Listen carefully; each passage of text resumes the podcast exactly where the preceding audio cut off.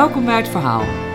Mijn naam is Monique Huiding en ik ga praten met Ronald Gippard over zijn inmiddels 23e roman met de titel Lieve, die zich afspeelt in de Nederlandse filmwereld. Gippard debuteerde in 1992 met Ik ook van jou, waarmee hij direct een plaats veroverde in de literaire wereld. Hij schrijft naast romans ook columns, televisieseries en kookboeken. Zijn bibliografie is wel drie pagina's lang, A4. En drie van zijn romans zijn inmiddels verfilmd. En nu dus een boek over de filmwereld. Welkom Ronald. Nou, leuk om hier te zijn. Ja. Ik, ik ga je meteen een beetje terechtwijzen, want het is niet, eh, ik heb geen 23 romans geschreven, geloof ik. Je 23ste is dit. 23e boek, denk ik. Maar ik denk dat dit mijn negende roman is. Oh, ik was al diep onder de Ja, ik ook. Maar ik ging erover nadenken. Toen dacht ik, nee, volgens mij, dat kan niet kloppen. Oh, oh, dus al die, die, die andere boeken, de non-fictieboeken, Juist. die Weet- tellen ook allemaal mee. Die tellen blijkbaar ook allemaal mee. Ja. Oké, maar je schrijft ook daarnaast nog columns. Dat doe ik ook nog, ja. En televisieseries. Doe ik ook. En je treedt op in het theater. Ja. Schrijf je daar trouwens aparte teksten voor? Soms wel. En soms ook eh, ter plekke. Dus eh, vijf uur aankomen in het theater en dan nog een tekst voor die avond eh, schrijven. Ja. Oh, Oké.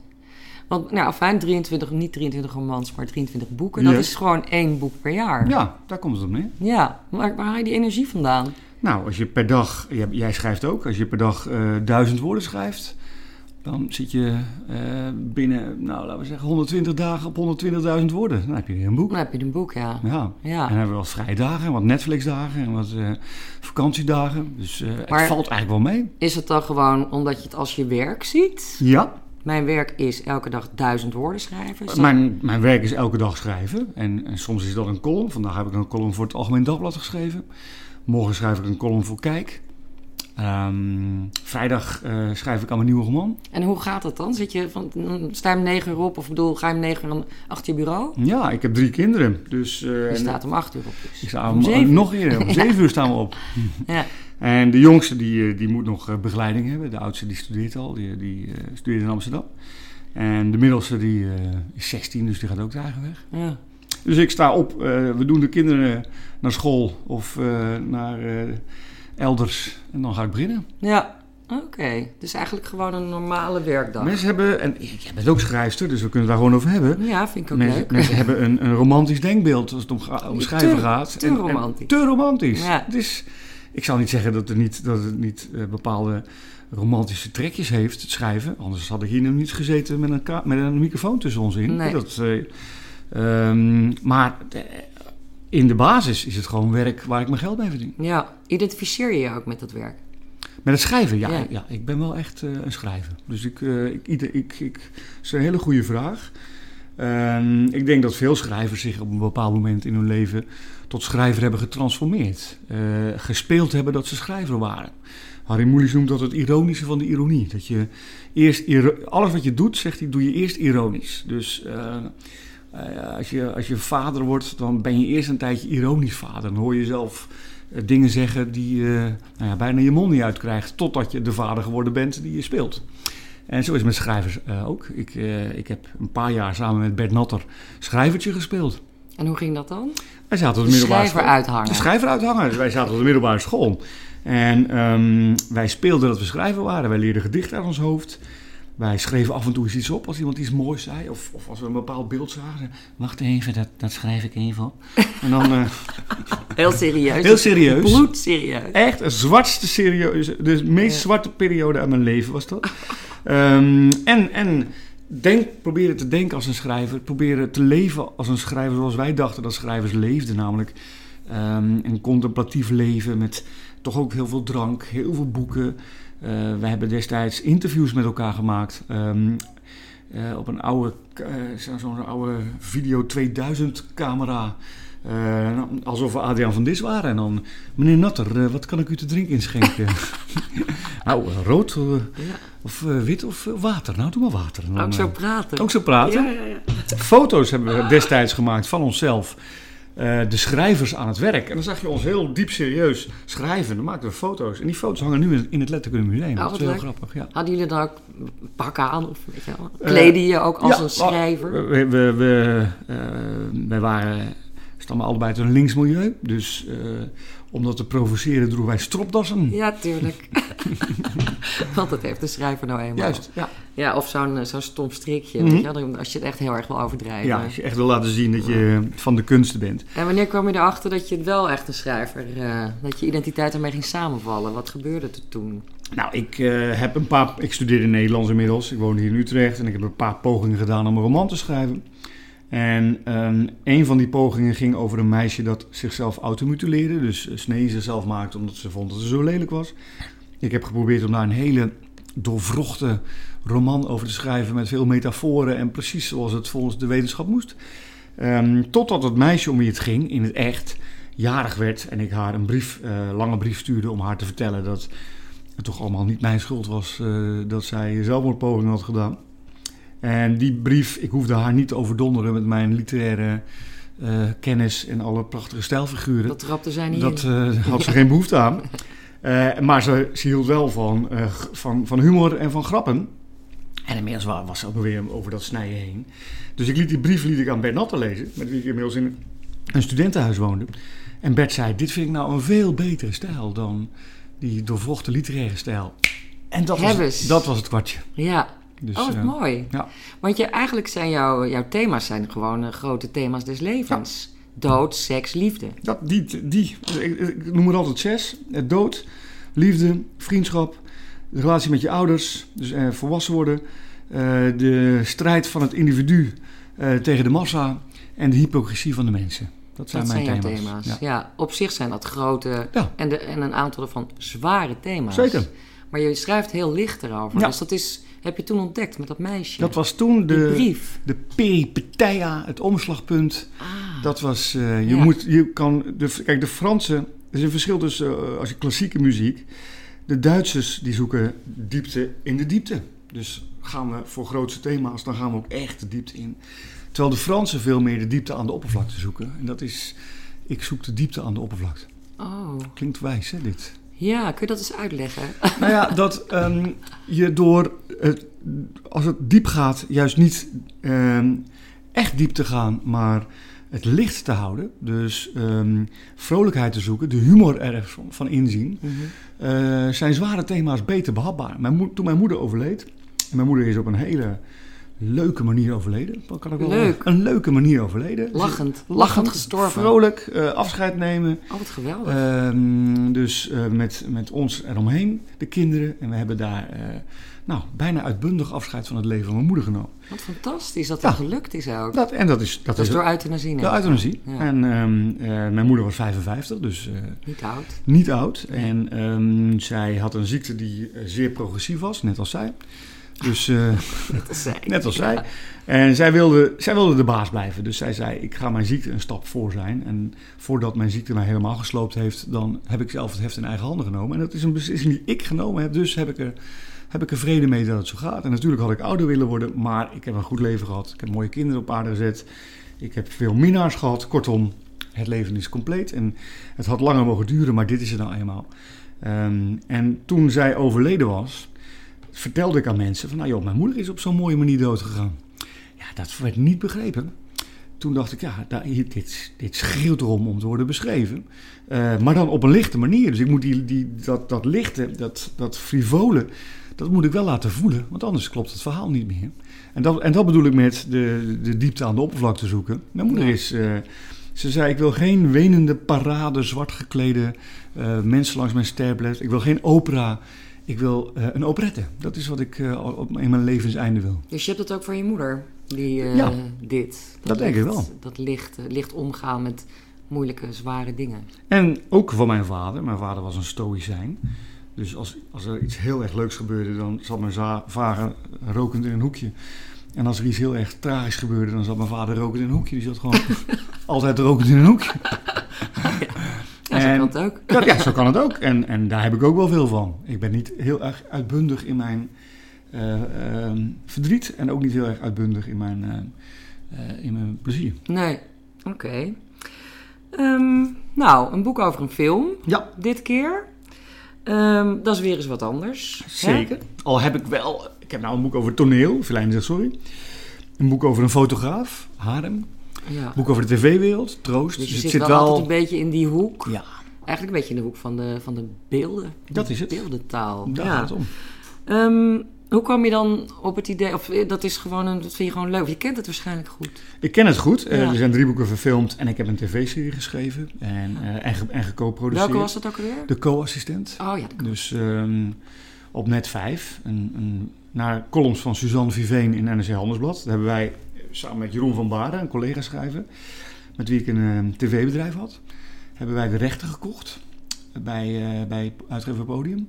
En daar zijn we mee naar een zender gegaan van, eh, mogen wij hier een ziekenhuisserie maken? En toevallig was er net een serie uitgevallen. Nou, Dus eh, we, we konden aan de slag. ja. ja.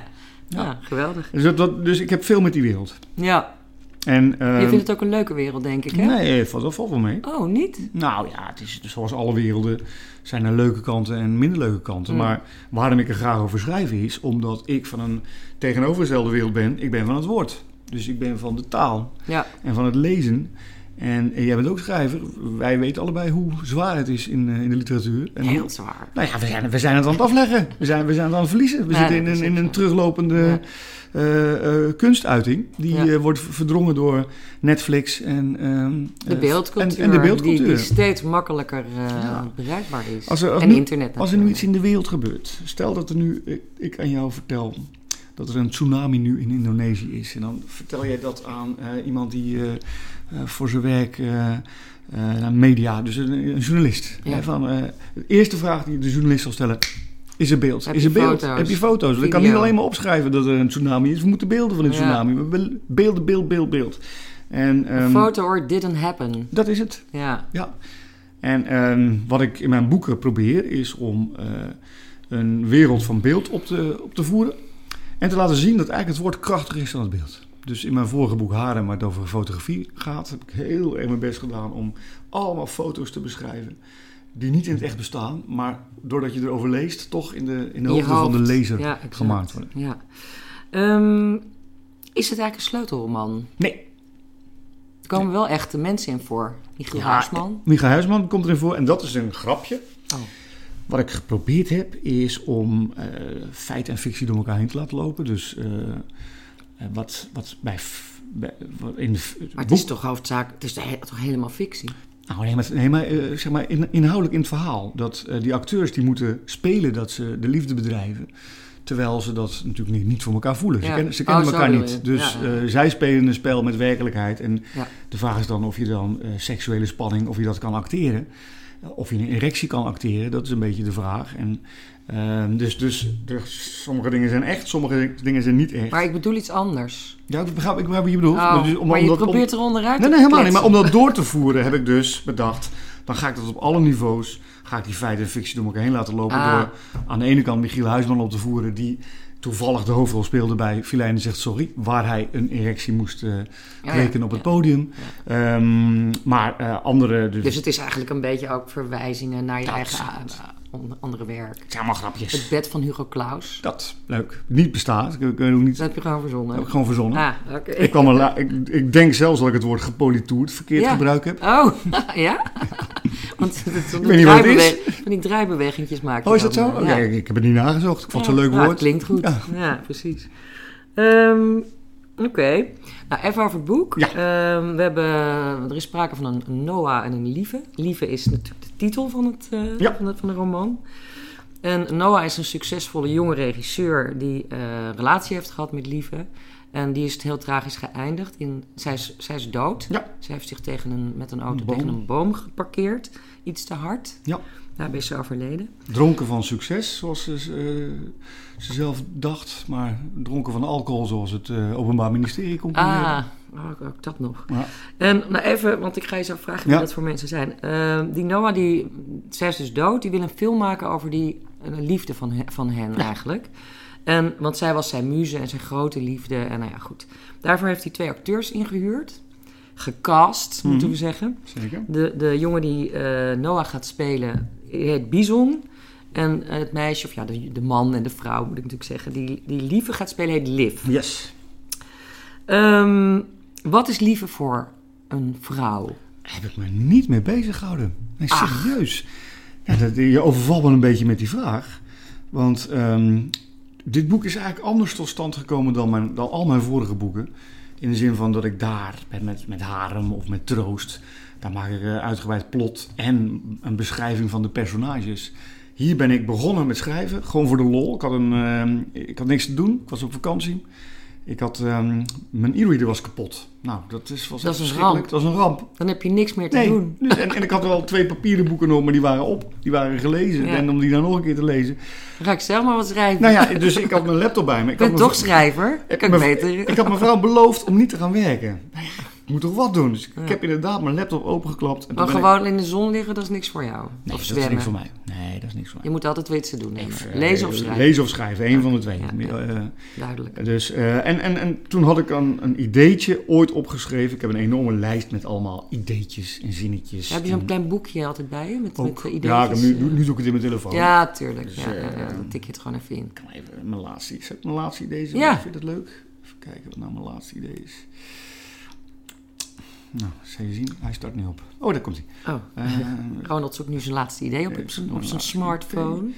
even kijken. Ehm kippenlevertjes van Philip. Heb ik Kippenlevertjes van Philip opgeschreven. Ja, nou ja, dus ik... eh, eh, Philip Roth heeft in zijn boek Portland's Complaint...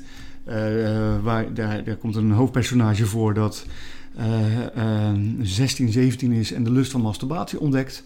Onder andere ook dat hij in een kilo leven die zijn moeder heeft klaarstaan op het aanrecht, dat hij daar zijn gevoeg, gevoeg in kan doen. En ik vond zelf dat als 16-jarige een scène waar ik bij mijn armen omhoog stak van wauw, dat Dat mogelijk is. ook. Dus ik, ik, ik schrijf nu over, eh, eh, over gastronomie in, eh in Algemeen Dagblad. Ik dacht, nou dan is dit een mooi verhaal om te plakken aan, aan een speciaal kippenlevertjesgerecht wat ik al eh, jaren heb. Oh, god. Ja. Goed, maar dus Ja, ik, ik, zo werkt het. ik heb ja. ideeën. Ik heb En ideeën. je had dus ook een idee Juist. voor Lieve. Ja, en dat idee bestond eruit dat een actrice mij ooit verteld heeft dat zij ehm, een seksscène moest spelen, liggend onder een dekbed. Ehm, er waren technische problemen op de set, precies zoals het in mijn boek gaat.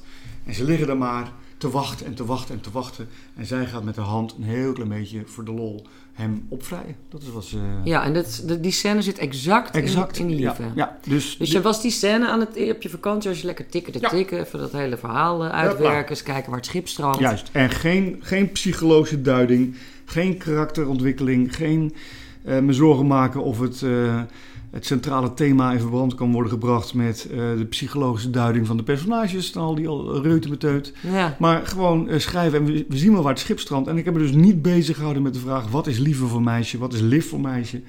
eh, wat is bison voor jongen? En natuurlijk ontstonden er dingen. En, en achteraf hinein interpreterend kan ik over lieve zeggen dat het een, ja, een meisje was wat aan de ene kant kampte met een ongelooflijke creatieve nou ja, opwelling. Die, die, die wilde toneelspeelster worden, die wilde in het volle leven staan.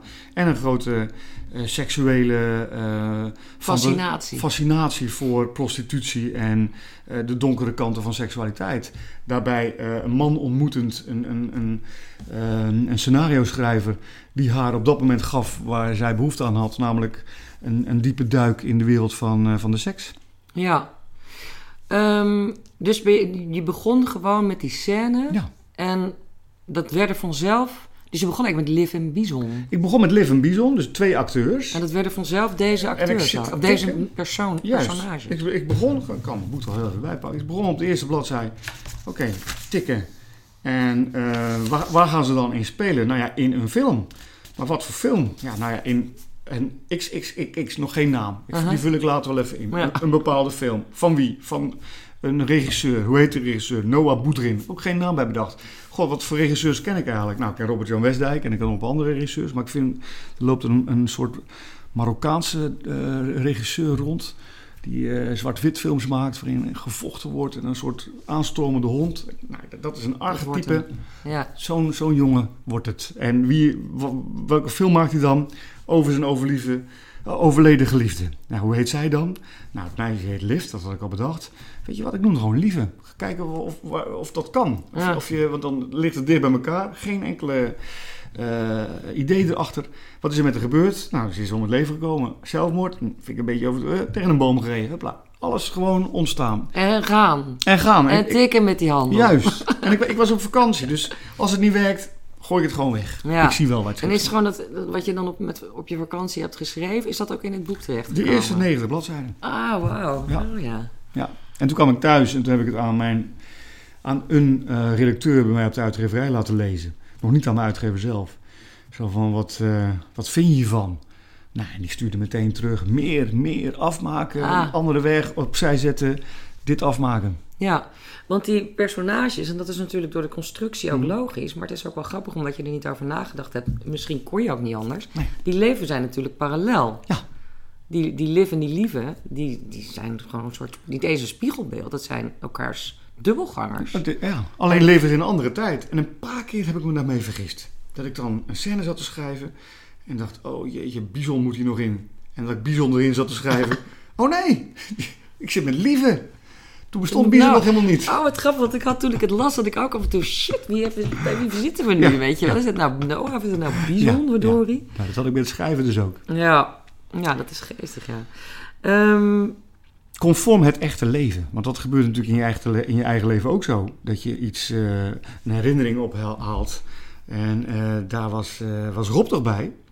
Oh nee, Rob was daar natuurlijk helemaal niet bij, want die zat toen in Frankrijk. Ja. Dus dat is, dat Ja, soort ja. dingen ja, gebeuren. zo gaat het ook natuurlijk Ja. gewoon. Ehm, wat, ik, wat, ik ook, wat me ook opviel, er zit dus een scenario-schrijver ook bij. Ja. Er zitten die vier acteurs en een scenario-schrijver. En die speelt eigenlijk een centrale rol Ja. In het boek. En dan wil ik je vragen of je een stukje wil voorlezen. Dat gaat er ook over. Dus even, ik moet nog misschien nog even vertellen. Die, die, die man heet Casper. Ja. En die heeft eigenlijk alle scenario's voor Noah, dus die, die jonge aanstormende, dat succesverhaal, heeft hij altijd geschreven. Behalve voor deze film die over liefde gaat. Juist. En als je dan dat stukje Ja. even wil voorlezen. De eerste vraag die ik mij bij een scène uit een scenario van Casper altijd stel is: hoe ga ik dit niet zo doen? Had Noah een keer in een dubbel interview met Casper gezegd. Pas wanneer een scène uit zijn script een werkelijk innerlijke noodzaak heeft, zal ik die naar de letter proberen te verfilmen. Maar dat soort scènes zijn helaas op de vingers van één hand te tellen. En dat bedoel ik met alle respect. Het kan ook niet anders. Een scenario bestaat uit woordjes op papier. Mij gaat het erom wat er op een set gebeurt tussen de acteurs en hun omgeving. Wat interesseert mij hun gebabbel nou? Ik wil blikken, beelden, momenten, interactie, beweging, passie, botsing, vuur, lust, ontreddering, hoop, verlangen. En dat allemaal in een shot van 15 seconden. Dat kun je onmogelijk opschrijven. Mensen zien een regisseur als een menner die een wild paard probeert te beteugelen, maar dat is onzin. De regisseur is het paard, de scenarist degene die hem, aan zijn, die hem zijn hoefijzers opspijkert en de producent de man die het paard het liefst naar de slager brengt.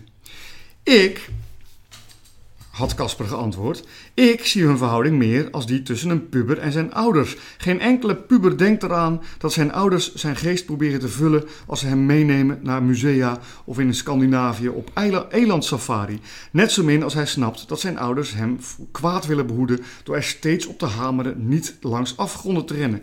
Te rennen. Pubers zijn de regisseurs en ouders de scenaristen. Een puber denkt dat hij zijn eigen leven maakt, eh, maar het zijn zijn ouders die dat leven ongemerkt sturen. Oh, had Noah gezegd, dus jij bent eigenlijk mijn vader. Nee, ook dat zie je verkeerd, zei Casper. Ik ben de vader van jouw kinderen. Dit ben jij. Ja, Jij bent Casper. ik ben Casper. Ja, hè? Nou, ik ben wel voor een deel Casper, ja. Ja. Want dit is volgens mij ook ja, een deel van je irritatie eh, van die beeldcultuur, toch? En hoe, de arrogantie van die, eh, van die makers van beelden. Dat is het. Ja. Ja, Want dus die- dit is een dikke middelvinger aan Ja, toch? aan, aan- kijk, wij leveren halffabrikaten als schrijvers. Alleen zijn het de lezers die die beelden afmaken. Dus ehm, we kunnen nu een beeld, ik zie daar een, eh, een ventilator staan, een grote metalen ventilator, echt, echt een grote, op een, ehm, ja, een verrijdbaar, hoe heet zo'n ding, onderstuk. Nou, de luisteraars nu hebben een beeld bij die ventilator. Dus iedereen zit nu met het beeld van die ventilator. Alleen wij zien die ventilator. En we zien ook hoe enorm We groot hij is. enorm groot hij is. En hoe Hij raakt blinkend. bijna het plafond. Ja, hoe blinkend. En ehm, wat, dan, wat gebeurt bij een verfilming van een boek of een film van een script, is dat er een regisseur komt en die zegt, maar nu ga ik mijn ventilator neerzetten. En het wordt de ventilator van iedereen, want mijn, ik ben nou helemaal geen die het bepaalt. Nou, ja. dat is dus een constante botsing tussen degene die eh, de dingen bedenkt en degene die de dingen laat zien. Heb je vaak ruzie ook gehad daarover? Nee, bijna je- nooit. je of denk je, laat maar. Ik, ik heb geleerd, en dat is een les die ik heb geleerd van, eh, hoe heet die schrijver? Die ken je ook wel. Ja, Zo'n man, hoe heet die nou? Ja, met een pijp. eh, Harry Mulisch. Oh, ja. Zo'n man. En Mulisch die zei, eh, als, je, ehm, als, ze, als ze komen om je boek te verfilmen, dan moet je je huid zo duur mogelijk verkopen. Want je bent schrijver, dus dan kan jij weer een jaar ongestoord van, eh, van, van werken. Maar vervolgens moet je eh, de filmmakers hun werk laten doen. Want zodra je ermee gaat bemoeien, ben je medeverantwoordelijk. En dan heb jij invulling gegeven aan, aan het verkrachten van jouw boek. Dus daar heb ik mij... Want dat is de, dus de nuloptie. Ik bedoel, dat is Dat de, is basis, de basis. de basis. Dus we wordt verkracht. sowieso... eh, Hij wordt verkracht. ja. En natuurlijk kan, eh, als het een hele goede regisseur is, kan die daar van de taaltaal van de schrijver een prachtige beeldtaal van maken, die equivalent is. Dus eh, net zo goed. Zoiets is min of meer gebeurd bij Verlijn en zegt sorry, bijvoorbeeld. Waar Robert-Jan Westdijk heel erg mijn boek uit zijn hoofd kende, maar vervolgens echt geprobeerd heeft van ik doe de taal nou weg en ik ga beeld maken. Want dat is wat die Noah zegt. Het gaat om die 15 seconden, die Hè, wat, hoe noemt hij dat? Lust, passie, beweging, actie, hoop, verlangen. Dat, dat kan je allemaal in een blik zetten, maar dat kan je niet beschrijven. Dus eh, hij ging uit van het beeld. Ehm, Vind, je dat, vind je dat ook?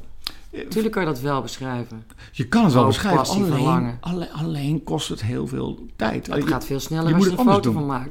Er zit, er zit een, een al- al- eh, eh, ik ben zijn naam even kwijt, een scenarist, ook een schrijver, die dan eh, het verschil tussen schrijven en, ehm, en, en een beeld laat zien. Dat, dat, oude, dat, dat, dat twee mensen een slecht huwelijk hebben. Nou, als wij dat gaan moeten gaan beschrijven, dan gaan we beelden laten zien waarom ze dan een slecht huwelijk hebben en dingen die ze gezegd hebben. En dan, voor je het weet, zitten we in uh, Who's Afraid of Virginia Woolf. Eh, hij, hij, hij neemt een lift. Daar komen die man en die vrouw binnen, die dus een slecht huwelijk hebben. Uh, hij heeft zijn hoed op, die man, speelt zich af in de jaren 50. Uh, Raymond Chandler, zo heette de, de, de scenarist. Dan komt er een, een mooie vrouw komt, de lift binnen. En op dat moment neemt de man zijn hoed af. Nou, in dat beeld, dus een scène van vier seconden, vijf seconden, uh, zit dat slechtheid van het huwelijk vervat. Nou, Ja. Ik zie best in dat dat een, een toevoeging is die, die wij van het woord moeilijk kunnen maken. Uh, maar uh, we, het is zo'n cultuur waarin het beeld de regie overneemt. Dat, ik heb er behoefte aan om die regie af en toe eens terug te nemen. Ja. Ja. Zijn jouw boeken verfilmd? Nee. Zou je dat willen? Uh, ja. ja. Natuurlijk. Natuurlijk wil ik dat. Maar dat komt ook omdat het gewoon een marketingmiddel natuurlijk Ja. is. Die gaan, dan gaat je boek uh, in de tweede roulatie opnieuw lopen. Meer drukken, bla bla bla. Ja, dan doen we opeens de filmversie. Ja, zeker. En dan, je eh, dan verander je nog drie woorden en dan, uh, hoppakee, nieuwe, nieuwe oplage. en zo werkt het. Ja, maar ja, daarom doe je natuurlijk ook dus mee. Maar het is ook een andere kunstvorm. Je hebt natuurlijk... Kijk, een film duurt meestal 90 minuten, hooguit twee uur. Langer uh, houdt het bioscoopganger het niet vol. En een boek, uh, ja, dat doe je over zo'n boek als wat je het ligt aan hoe snel je leest het uiteraard.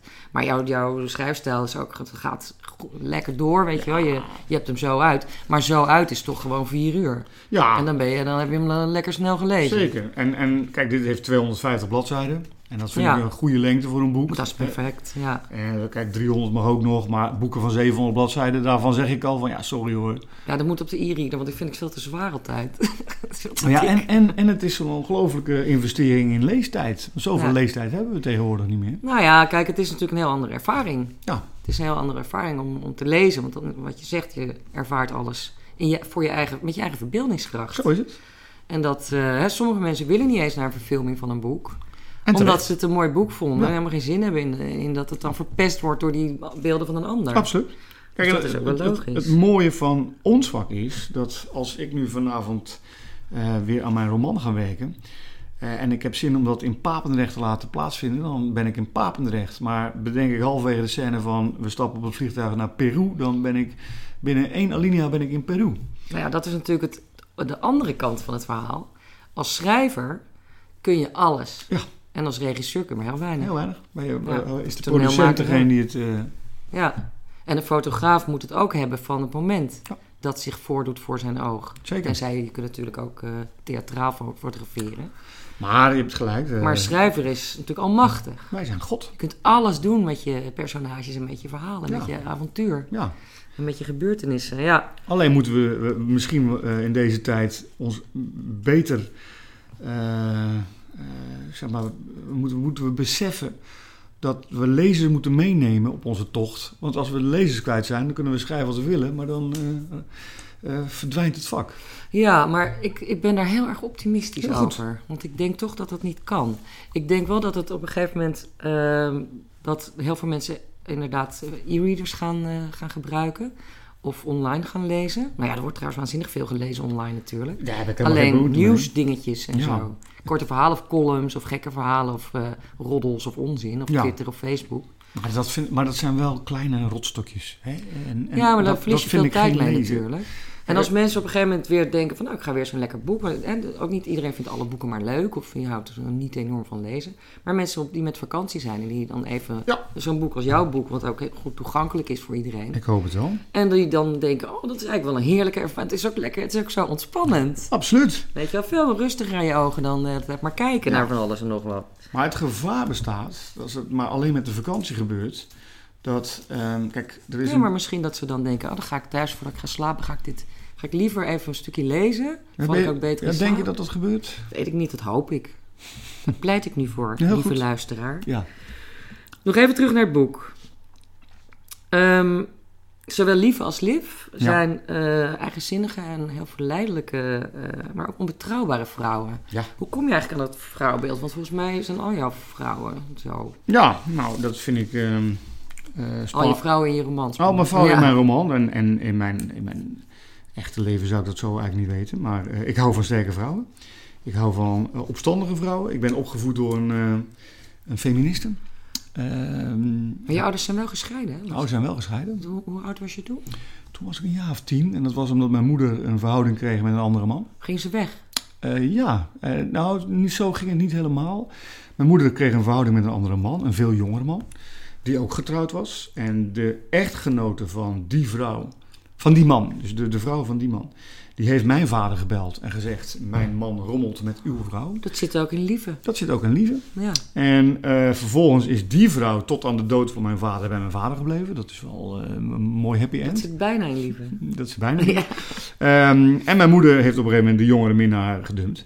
En eh, mijn moeder die was eh, tegenstander van eh, de, de gangbare opvattingen eh, eh, over eh, relaties en liefde. Mijn moeder geloofde in eh, meer mannigheid en meer vrouwigheid. Dus, eh, Meer mannigheid? meer mannigheid. Dus meer man, ze wilde meerdere mannen. Ze wilde niet eh, Oh, in haar liefdesleven beperkt zijn tot één man. ja. En ehm, eh, ik kom wel eens bij lezingen mannen tegen die dan komen vertellen van ik heb je moeder nog gekend. En voor de grap zeg ik altijd, u heeft toch niks met haar gehad hoop ik hè?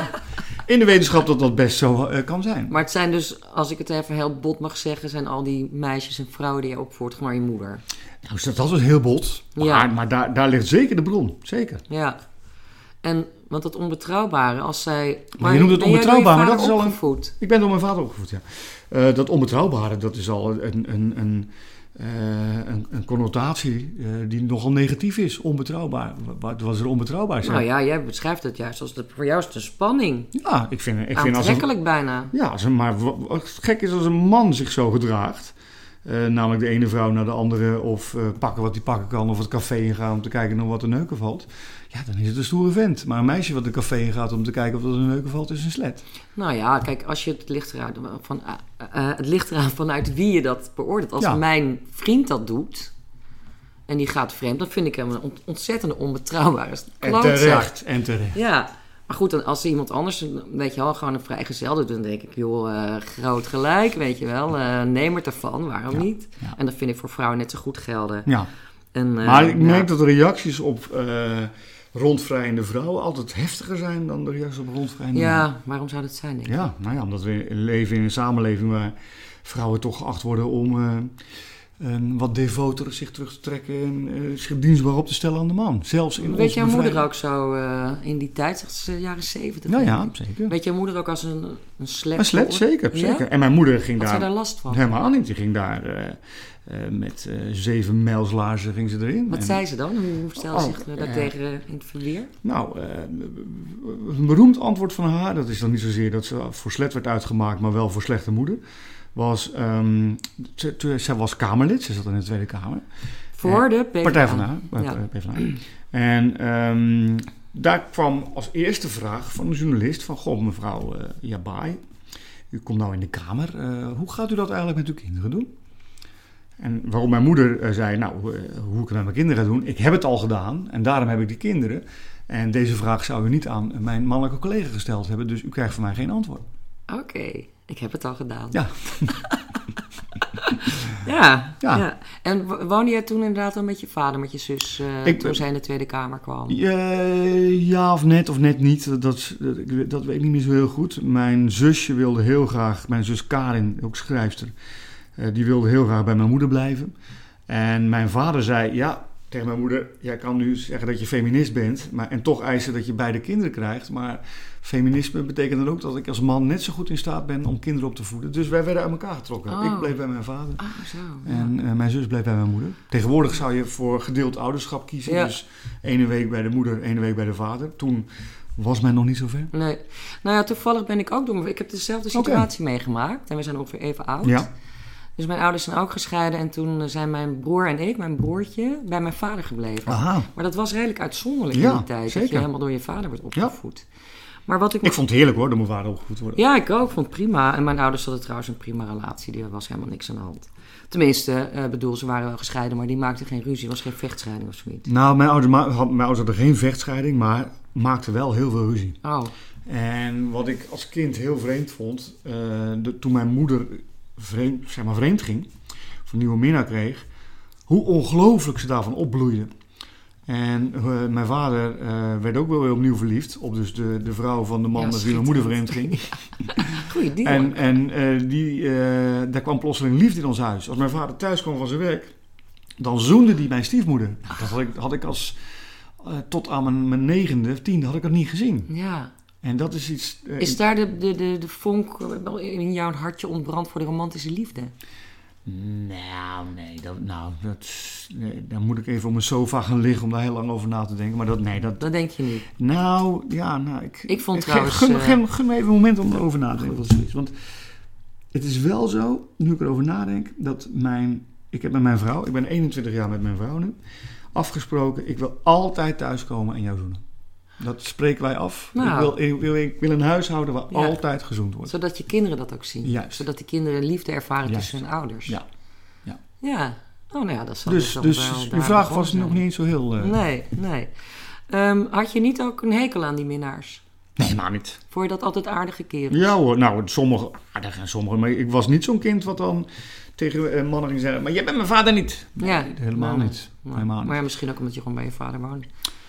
Ja, en, en omdat mijn moeder eh, van leuke kerels hield. Ik bedoel, Het Ah. waren altijd wel spannende mannen. En eh, dan was er weer een grote neger. En, eh, Oh, ze varieerde. Ja, ja, zeker. Ja, gelijk zeker. had ze. En ze zei, ik wil er één voor de chic, één voor de check en één voor de shock. Wat is de check? De check is het geld. Oh, een check. Ik dacht een rookcheck. Nee, nee, nee. Even lekker roken met Nee, de iemand. check. Eén voor de, voor de chic, één voor de check en één voor de shock. Oké, maar ze verdienen haar eigen geld. Ja, dat ook, maar dat was, dat was een leuk zinnetje Oh, wat ze ergens en de had shock? opgepikt. De shock, de, om te chockeren. Dus een, Maar dan weer een hele rare... Ja, ja, eh, precies. knappe Ja. neger of... eh, nou, Ah ja, dat was toen natuurlijk chockerend. dan zeg ik Nou, het woord neger, maar dat mag natuurlijk helemaal niet meer. Hè? ehm, nee. nou ja, wat zullen we dan ervan maken? Een ontzettend zwarte knappe man, Surinamer. Ja, dan weten we precies waar we het over hebben. Ja. Ehm, Of Antilliaan was het in dit geval. Een. Antilliaan. Ja. Nou, dan is het helemaal geen Surinamer trouwens. Die kwam heel ergens anders vandaan. Hoewel het wel redelijk dicht bij elkaar ligt daar. Ja, Nou, daar kunnen we nog uren over doorgaan. zeker. Maar, ehm, dus die romantische liefde, dat, dat vindt zijn oorsprong dan toch natuurlijk eh, daar. En Ja, jij ik- bent zelf helemaal niet van... Want in dit boek wordt ook redelijk veel... Die boeken gaan veel over seks. Ja. Ik, ik wil het er eigenlijk helemaal niet over hebben. Ik vind het prima. Want ik dacht, ja, weet je wel, want ik vind eigenlijk dat je boek over ook andere dingen gaan. Kijk. dan, hè, die seks, dat is ook maar een instrument. Zeker. Het, het- had ook over eten of drinken of, of voetbal of wat dan ook kunnen gaan. Het is gewoon een, een vehicle om een verhaal te vertellen. Nee, maar je hebt een beetje die, hè, dat, dat kleeft daar aan je. Ja, ja. Oh, Ronald Gippert heeft weer een rol, dan gaat het zeker weer over seks. Ja, dat Ja, was dat het er eerste wat Jeroen. Pauw vroeg eh, toen ik... eh Toen je daar te gast was, ja. Ja, dat is ook een, natuurlijk een beetje een cliché verhaal. zit maar- ik ook niet mee hoor. Ja, maar eh, er komt wel, er wordt in het boek vreemd gegaan. Ja. En dat heeft altijd een slecht effect op de, op de, op de relaties. Ja, gek toch? Ja, maar dus dat, dan denk ik, dat heeft hij natuurlijk van zijn ouders. Weet je, dat heeft hij, en jij, bent, jij bent zelf gewoon heel keurig, eh, of keurig, je bent gelukkig, neem ik aan, Ik ben getrouwd. 21 jaar met mijn vrouw. Ja. En ehm, ik vind vreemdgaan eh principieel. Hè. Er is een verschil tussen eh, wat mijn principes zijn en eh, wat, eh, hoe, dat, hoe dat in het dagelijks leven gaat. Eh, en dat is ook iets wat mijn vrouw en ik in het begin hebben uitgesproken. Ik vind principieel, als je van iemand houdt, hou je van iemand, punt. Dus als eh, ik een relatie met een vrouw heb en zij is de vervulling van mijn leven en de liefde van mijn, eh, van mijn bestaan, dan ehm, hou ik van haar koet. En als zij een keer op een avond op een feestje zin heeft om tong te draaien met een ander, ja, dan gaat echt mijn gevoel haar niet, niet beïnvloeden. Ik zal er niet met een, een, vlag, een vlaggetje bij staan juichen, maar ik hou toch van iemand. Ehm, dus ik vind het ook kostelijke zonde als, als, als vreemdgaan in veel relaties reden is om een relatie te laten klappen. Omdat er een keer tien minuten wat, wat ge- ge- Gerommeld wordt. gerommeld of wat gezweet in een steeg. Who cares? Nee, maar, Kijk, ja, Het is anders als iemand verliefd wordt en... en eh, ja, maar er komt dus inderdaad, er komen personages in dit boek voor. En daar gaat wel degelijk, eh er gaat, loopt, er, loopt er van alles. Ja. Echt eh, totaal spaak. ja, maar het, Want die, hebben, die, die gaan niet alleen vreemd één keertje. Dat is gewoon een relatie. Het is gewoon een relatie. En, Ja. en, en er zit, zit een scène in, die had ik ook van tevoren niet bedacht dat ik hem zou maken. Over de moeder van Bison, eh, die een, een minnaar heeft met wie ze af en toe eh, eh, seks in hotelkamers heeft. Gewoon een, een, een geheime verhouding. Ja, En na een vakantie gaan ze elkaar weer ontmoeten. En zij stuurt dan een sms'je aan de betreffende meneer van... eh, goh, we zien elkaar straks. Fancy a fuck of iets dergelijks. Van, eh, we, we gaan elkaar weer zien. Alleen weet zij niet dat hij op vakantie overleden is. ja. En dan vindt de, de weduwe van die man... Vindt zijn, is bezig met zijn telefoon om, om adressen voor en de wat, uitvaart. wat, En- gebeurt er? Ja. Ping, fancy a fuck, Fancy leest die weduwe. ja. Die denkt, oké. ja, en die gaat zoeken. Ja. En die komt allemaal foto's tegen. En dan krijg je die parallel met jouw ouders. Want die komt bij die, bij die vader van, eh, van Bison terecht. En, En die Nee, vertelt, die, die legt haar uit, joh. en die, die zijn eigenlijk... Die, ja, die vallen elkaar nog net niet helemaal meteen al in de armen. Maar die begrijpen elkaar wel heel goed Ja, meteen. Ja. Ja. En hij zegt, je, eh, stel nou dat ze van elkaar gehouden hebben. Ja. Hij is dood. Hij is heel coulant daarin. Ja, Ja. want hij, hij houdt van zijn vrouw.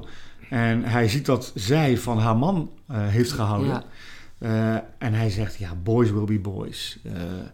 Dat ze, het is gebeurd. Laten we nou hopen dat ze er goed plezier van hebben gehad. Want we hebben toch van hen gehouden. Dus gun hem dat het gebeurd Ja. is. Ik ga een beetje afronden, Ja. maar ik wil je nog een heel belangrijke vraag stellen. Ehm, jouw vrouwen zijn altijd vrij sterk en, en eh, onafhankelijk en gaan hun eigen gangetje en zijn eigenlijk niet zo goed bereikbaar. Mhm. Maar jouw mannen, die zijn altijd ontzettend gevoelig en die zijn ook, vat deze jongens ook in je boek, Noah en Bison, die worden smoor verliefd en die worden gewoon bijna emotioneel, ja, kunnen ze bijna niet meer leven zonder de aandacht van die vrouwen. Denk jij dat mannen emotioneler zijn dan vrouwen, in tegenstelling tot wat vaak ge- gedacht wordt? Ja, en ik denk dat mannen romantischer zijn en dat mannen liefdevoller zijn. En eh, dat eh, het hele, eh, zeg maar, nou, ik wil niet zeggen sprookje, want het bestaat natuurlijk echt, maar de hele ehm, de- de romantische denkwijze, dat dat door mannen ehm, gedomineerd wordt en niet door vrouwen. Maar En het idee dat- is dat het andersom is. Ja, maar, maar ik ik denk- geloof dat ook niet. Nee, ik denk dat mannen sneller verliefd zijn. Wat ook weer een evolutionaire oorsprong zal hebben. Want nou ja, verliefdheid, dan kan je weer je zaadjes lekker... eh, Ja. Je genetisch materiaal verspreiden.